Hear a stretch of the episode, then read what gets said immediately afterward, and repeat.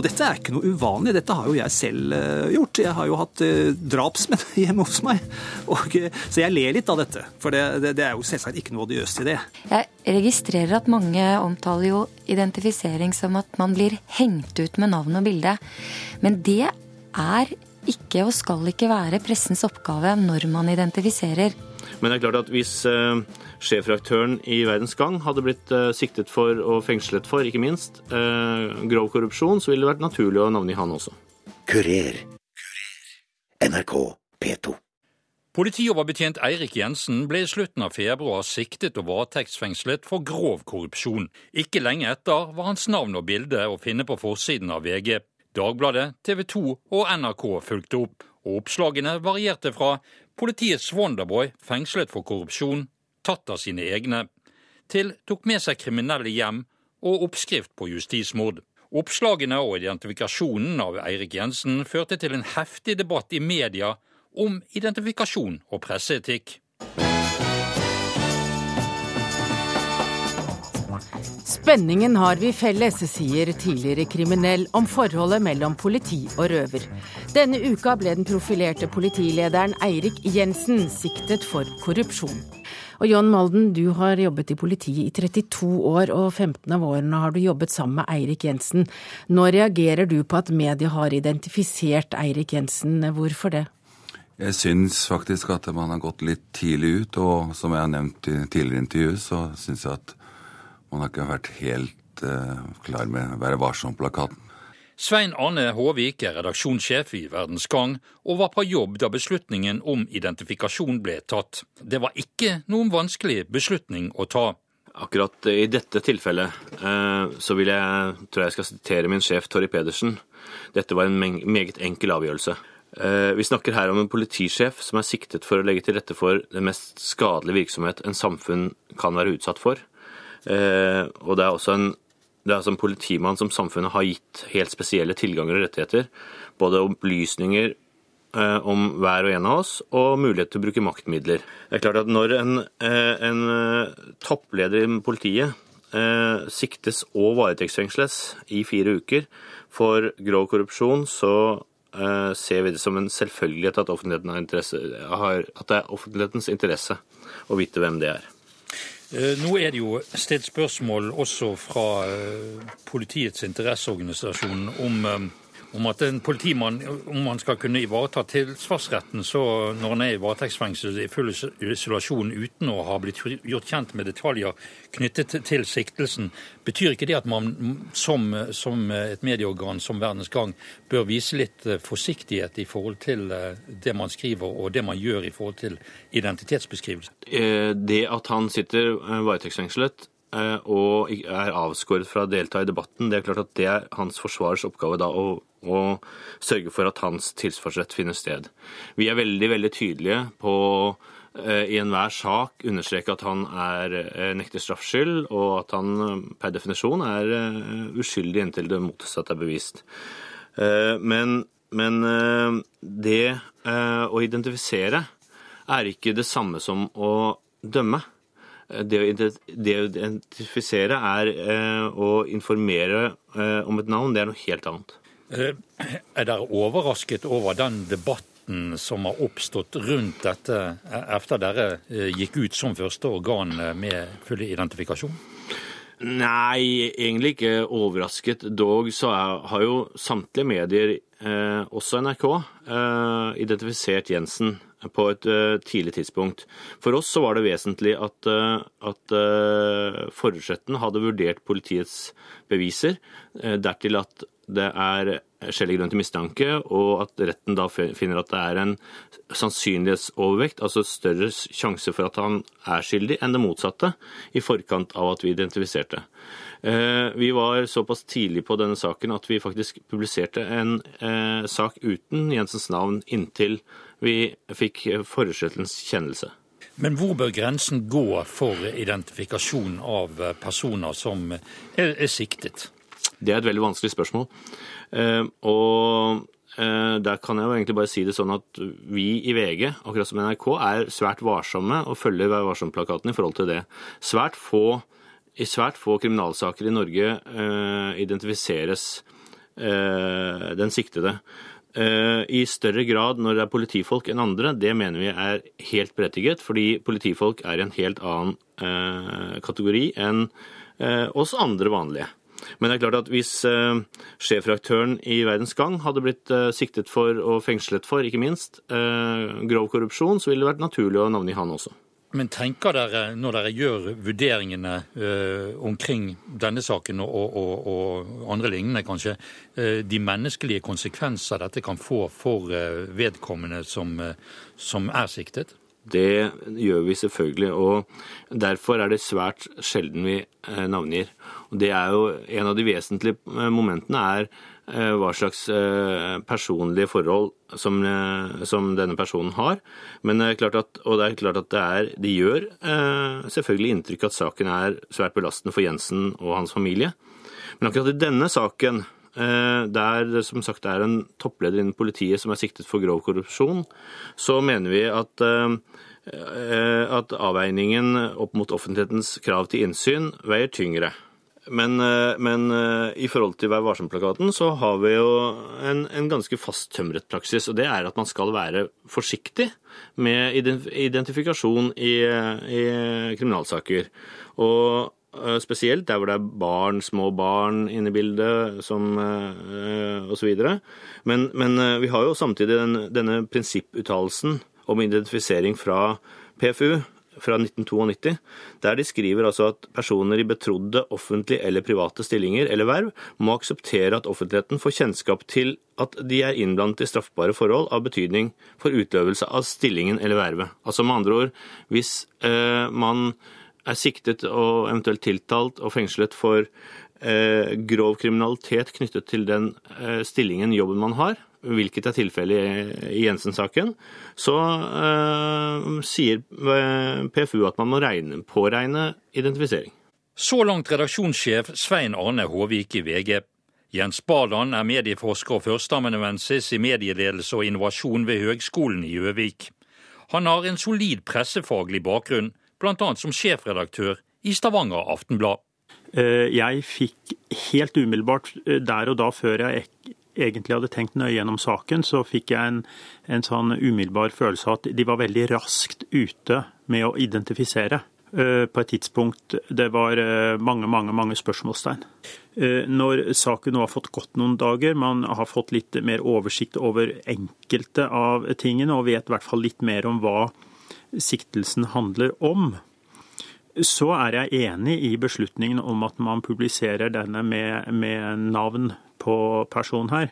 Det som gjør stort utslag i resonnementet i denne saken, er at når det gjelder person, så er dette en offentlig person, i den forstand at dette er en, en person med en offentlig oppgave på vegne av oss til nettopp å etterforske og har fått uh, myndighet og makt til å nettopp ta seg av korrupsjonssaker, bl.a. Og så er sakstypen øh, korrupsjon, og det er også en veldig viktig sak. Totalvurderingen her vil lett konkluderes med at man øh, identifiserer den personen. Når man leser avisene nøye og følger med i media omkring denne saken, så virker det jo som om media får sine informasjoner fra spesielt hold, da, men i veldig liten grad fra den siktedes interesser. Det som legitimerer krimjournalistikken, det er jo også å ta vare på rettssikkerheten. Og det betyr at i disse sakene her så handler krimjournalistikken faktisk om å belyse ulike sider. Eh, det er en veldig lettvint journalistikk å bare videreformidle lekkasjer. Det kan i og for seg ligge viktig og god informasjon i de lekkasjene, men det er også sånn at det er andre sider, andre teorier, andre mulige spor som, skal, eh, som bør belyses i en god krimjournalistikk. Eh, jeg erfarte jo selv en sak som ligger nå 12 og 14 år tilbake i tid. Jeg var redaktør for en journalist som ble siktet for spionasje. Eh, den saken fikk enorm oppmerksomhet i nyhetene og i mediene den gangen. Eh, han gikk jo ut selv, så sånn sett så var ikke dette med identifisering et spørsmål. Men det er to andre erfaringer jeg gjorde i den saken som faktisk kan være litt parallelle her. I det tilfellet så tok det mer enn to år før saken ble konkludert, og den ble henlagt. Og journalisten kunne etterpå skrive en bok med sin versjon der han renvasket seg så mye som det går an å gjøre etter et slikt løp. Den første erfaringen det var at det tok veldig lang tid før fakta begynte å veie andre veien i opinionen, der eh, fakta i all hovedsak dro i retning av, i favør av denne journalisten. Så det at det tok lang tid før virkeligheten forandret seg. Og Det er eh, overførbart til denne saken. og at Man skal huske at både politiet, de forskjellige advokatene som representerer forskjellige aktører, også familiemedlemmer som har stått frem og latt seg intervjue her, det er ikke nøytrale parter. De må behandles, eh, All informasjon fra disse må behandles kritisk hele veien. God kveld og velkommen til Dagsrevyen torsdag. Politimannen Eirik Jensen ble korrupsjonssiktet etter at en mann som er siktet i en større narkotikasak, hevdet at han i lengre tid har samarbeidet Slik hørtes det ut da Dagsrevyen gikk ut med navn og bilde på politimannen Eirik Jensen. Nyhetsdirektør i NRK, Per Arne Kalbakk, forteller hvorfor man valgte å vente i flere dager med å identifisere mannen. Grunnen til det var at da denne nyheten sprakk eh, helt plutselig på tirsdag ettermiddag, så visste vi veldig lite om saken. Vi visste ingenting om grunnlaget for siktelsen, annet enn at det skulle dreie seg om grov korrupsjon, og satt på det tidspunktet kun med annen- og tredjehåndsinformasjon, eh, som også gikk i litt forskjellige retninger. Og da mente vi at det ikke forsvarte å gi den belastningen det tross alt er, og gå ut med navn og bilde på en siktet i en sånn sak. Men når vi kom til, til torsdagen, var det da nødvendig å, å gå ut med navn og bilde? Man kan jo alltid diskutere om, om, det er nødvendig eller ikke. Ehm, og det er skjønnsvurderinger eh, som, som, alltid vil spille inn her. Men det som skjedde, var at vi på det tidspunktet hadde fått bekrefta fra flere uavhengige kilder eh, mer konkret hva siktelsen besto i. At det skulle handle om å ha mottatt store pengebeløp fra Gjermund Cappelen, som vi senere har fått eh, vite er den siktede en stor hasjsak i Asker og Bærum. Og da mente vi at siden denne siktelsen var såpass alvorlig, og dessuten direkte knyttet til Eirik Jensens betrodde rolle som, som, politimann i Oslo, med et spesielt ansvar for bekjempelse av nettopp eh, grov organisert kriminalitet, så mente vi at det da var riktig å gå ut med navnet. Er Vær varsom-plakaten et godt nok pressetisk presseetisk redskap også i slike situasjoner som dette? Ja, jeg mener det. Og, jeg vil også hevde at eh, praksis og, hvordan, det etiske regelverk har blitt brukt over tid, viser at det er et eh, godt verktøy. Og så er det ikke noe perfekt verktøy, men det er et verktøy som gjør at vi kan prøve eh, våre vurderinger opp mot både tidligere praksis, eh, hvordan, eh, hvordan pressens selvdømmeorgan har vurdert dette, og også med, med konkrete, konkrete, avveininger som gjøres mot hverandre. Var det stor debatt i, i de ledende organer i NRK hvorvidt man skulle gjøre dette? Vi diskuterte jo dette løpende helt fra tirsdag ettermiddag og inntil, inntil torsdag morgen, da vi valgte å identifisere. Og så kan man jo si at det hadde vært eh, Hvorfor identifiserte vi ikke når eh, alle andre gjorde det? Men, eh, men jeg mener at i, i, sånne saker så har vi alltid et selvstendig ansvar for å gjøre våre vurderinger, basert på den kunnskapen vi sitter på. Hvis ikke så hadde det jo blitt sånn at vi i enhver sak kunne sagt at når ett eller to medier har identifisert, så kan alle gjøre det. Det mener jeg ville være en veldig uheldig utvikling. Jeg syns tvert imot at det er en av de gode tingene ved at vi har et eh, redaktøransvar at mediene faktisk gjør sine egne vurderinger. Nå har vi jo sett og vi har eksempler på at identifikasjon kan føre til si, tragiske konklusjoner. altså Det kan gjøre slutt på menneskers liv osv., som vi kjenner det fra bl.a. Tore Tønne-saken. Er dette høyt oppe i bevisstheten når man diskuterer identitets, å røpe identiteten? Absolutt. Eh, både, både, eh, den type konsekvenser som er svært, svært alvorlige, og andre saker, er jo ting vi alltid, alltid må ha med oss. Men så er det én ting er, eh, er om man identifiserer eller ikke, men noe annet er i hvilket omfang man gjør det. Hvor, hvor, stort man slår opp en sak fra dag til dag. Hvis vi ser på Tore Tønne-saken, det som var spesielt da, var jo at dette presset og dette fokuset på hans person og bildet av han, eh, det var så stort og massivt over tid. Og de eh, erfaringene fra den saken er nok noe som både vi og andre medier har, har med oss hver gang vi jobber med denne type saker nå. Og vi diskuterer hver dag både omfanget av bruk av navn og bilder, om det er nødvendig å ha det med i alle saker, og generelt den samlede belastningen for den som blir utsatt for den. Så langt nyhetsdirektør Per Arne Kalbakk i NRK. Kjersti Løken Stavrum er generalsekretær i Norges Presseforbund. Hun mener slike saker er vanskelig, men at det var på sin plass å identifisere Eirik Jensen. Jeg mener at det ville vært veldig, veldig vanskelig for eh, politiet og for det norske samfunnet at vi var blitt kjent med at det satt en polititopp, anonym, eh, varetektsfengslet for siktet for grov korrupsjon i tjenesten. Det eh, hadde gjort, eh, mener jeg, politiets arbeid veldig vanskelig fra, eh, egentlig fra time til time. Fordi vi da ikke ville vært kjent med hvor, da, hvor denne korrupsjonen skulle ha vært funnet sted, hvor omfattende, hvem som var involvert osv. Nå vet vi ved identifiseringen så vet vi ganske mye om hva siktelsen dreier seg rundt. Derfor, derfor mener jeg at folk har rett til og burde vite hvem det var, eller hvem det er. Ja, Pressens faglige utvalg har jo hatt eh, flere saker som har eh, innebåret eh, identifikasjon, og, og, du har jo en del eksempler på dette.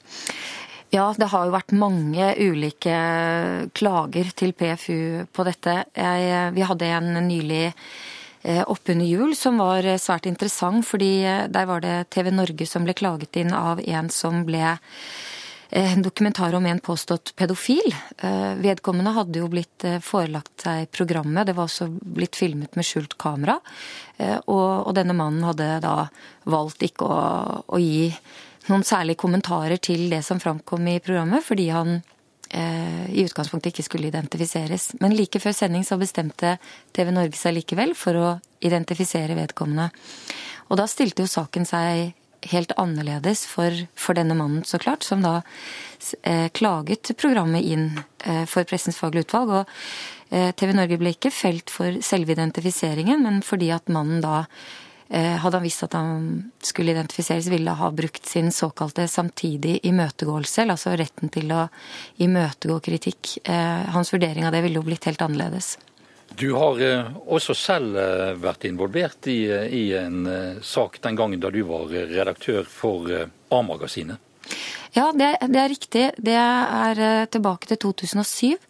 Da uh, hadde A-magasinet en større sak om en kvinne som gjennom 20 år hadde vært uh, involvert i mange saker og dømt i flere saker der hun egentlig hadde vært opptrådt som en løgner, en notorisk løgner, lurt mange mennesker.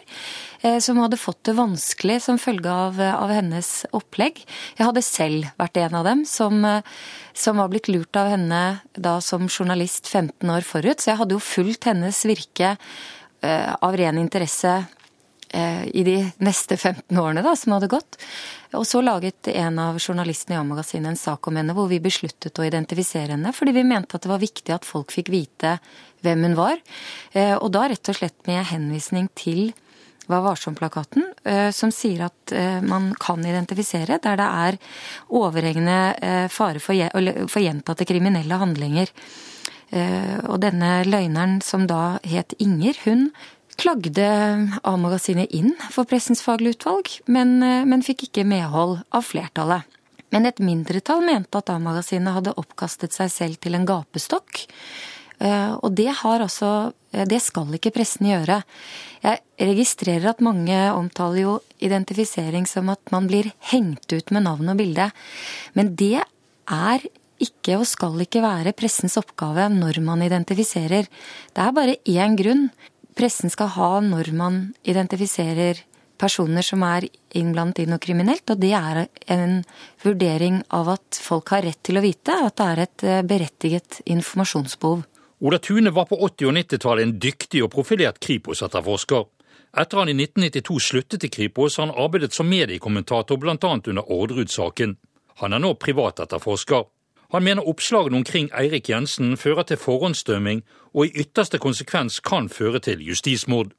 Og eh, Det er jo ikke akkurat eh, nødvendigvis etterforskningen jeg er som sådan bekymret for i denne fasen, men det er jo det som fremkommer av informasjon utenom etterforskningen som jeg mener da er egnet til å farve eller å påvirke opinionen i forhold til i dette tilfellet mistanken, eller styrke mistanken mot Jensen, som da til, i, sin tur kan da påvirke etterforskerne og vitner, til syvende og sist domstolene, som da kan medføre at han får en, en en uriktig dom til syvende og sist.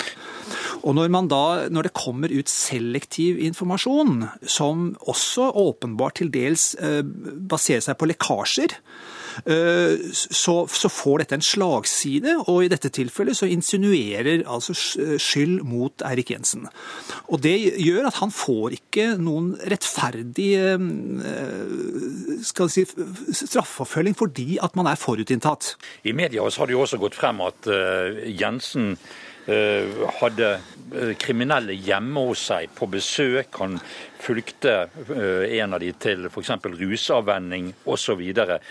For å, å, å si nærmest at han pleide en slags form for intim vennskapskontakt med, med, med noen av the bad guys. Ja, da, da, ler jo jeg litt, for da, da, sier jeg so what? Hva beviser det? Det beviser jo selvsagt ingenting i forhold til det han er siktet for. Eh, nå skal man være klar at dette er jo ikke uvanlig at politifolk, og i hvert fall hvis man er litt eh, si, eh, opptatt av å ha en, en, dialog med de kriminelle, og, og det, jo, det, har jo vist seg at det er måten måten, eller i hvert fall en god måte, å omgås eh, også kriminelle med. For det er sånn man får informasjon. Sånn bygger man tillit. Og dette er ikke noe uvanlig. Dette har jo jeg selv eh, gjort. Jeg har jo hatt eh, drapsmenn hjemme hos meg. Og, så jeg ler litt av dette. For det, det, det er jo selvsagt ikke noe odiøst i det. Men mener du det er en form for kampanje, ensidig kampanje i f.eks. denne saken her? Jeg, tror, jeg, vet ikke om jeg vil kalle det kampanje. Altså, det, som, altså, dette er en, mer en trend, syns jeg, at, man, at, saker som er stor medieinteresse rundt, jeg kan nevne mange tilfeller, som, som kommer ut av proporsjoner, og så er den informasjonen som fremkommer, den er unyansert. Den er ensidig, og den er ofte basert på lekkasjer, som da igjen Man må stille spørsmål om hvem, hvem, hvem, er det som lekker? Hvilke motiver har de som lekker? Og Det er det jeg er bekymret for, og dette ser jeg ikke bare i denne saken. Jeg har sett det i mange saker, og, og det er også en trend. Og når man da følger disse sakene Jeg nevnte en gammel sak her, men vi har jo nyere saker. Når vi følger disse og så ser hvor vanskelig det er å gjendrive de mis grunner mistanken bygger på, når man først er eksponert, så på den måten, det, det ser vi og det veit vi er veldig eh, vanskelig. Så kan man stille spørsmålet, da. Eh, hvis nå Erik Jensen da vitterlig er uskyldig, som han i utgangspunktet skal anses som, ja, hva slags muligheter har han da Eh, denne mistanken blir jo hengende på han i en eller annen form. og Som jeg hørte i et annet eh, studio i dag, så var det en som sa ja, men det må jo være Det er vel ingen røyk uten ild? sa vedkommende. Og det, og det blir jo holdningen til folk. ja, det er sikkert noe, selv om man kanskje ikke klarer å bevise det. Har det blitt en forverring nå når vi har fått så mange plattformer på, i, i, media? Er, er, det vanskelig å gjendrive eh, påstander fordi at vi har ingen deadline lenger. Det er en kontinuerlig deadline. Ja, jeg, jeg, tror dette er et veldig sammensatt eh, problem. Men det som er et faktum det er, eh, altså Nå var jo jeg med på drapsetterforskning i store saker på, tidlig på 80-tallet, eller fra tidlig på 80-tallet.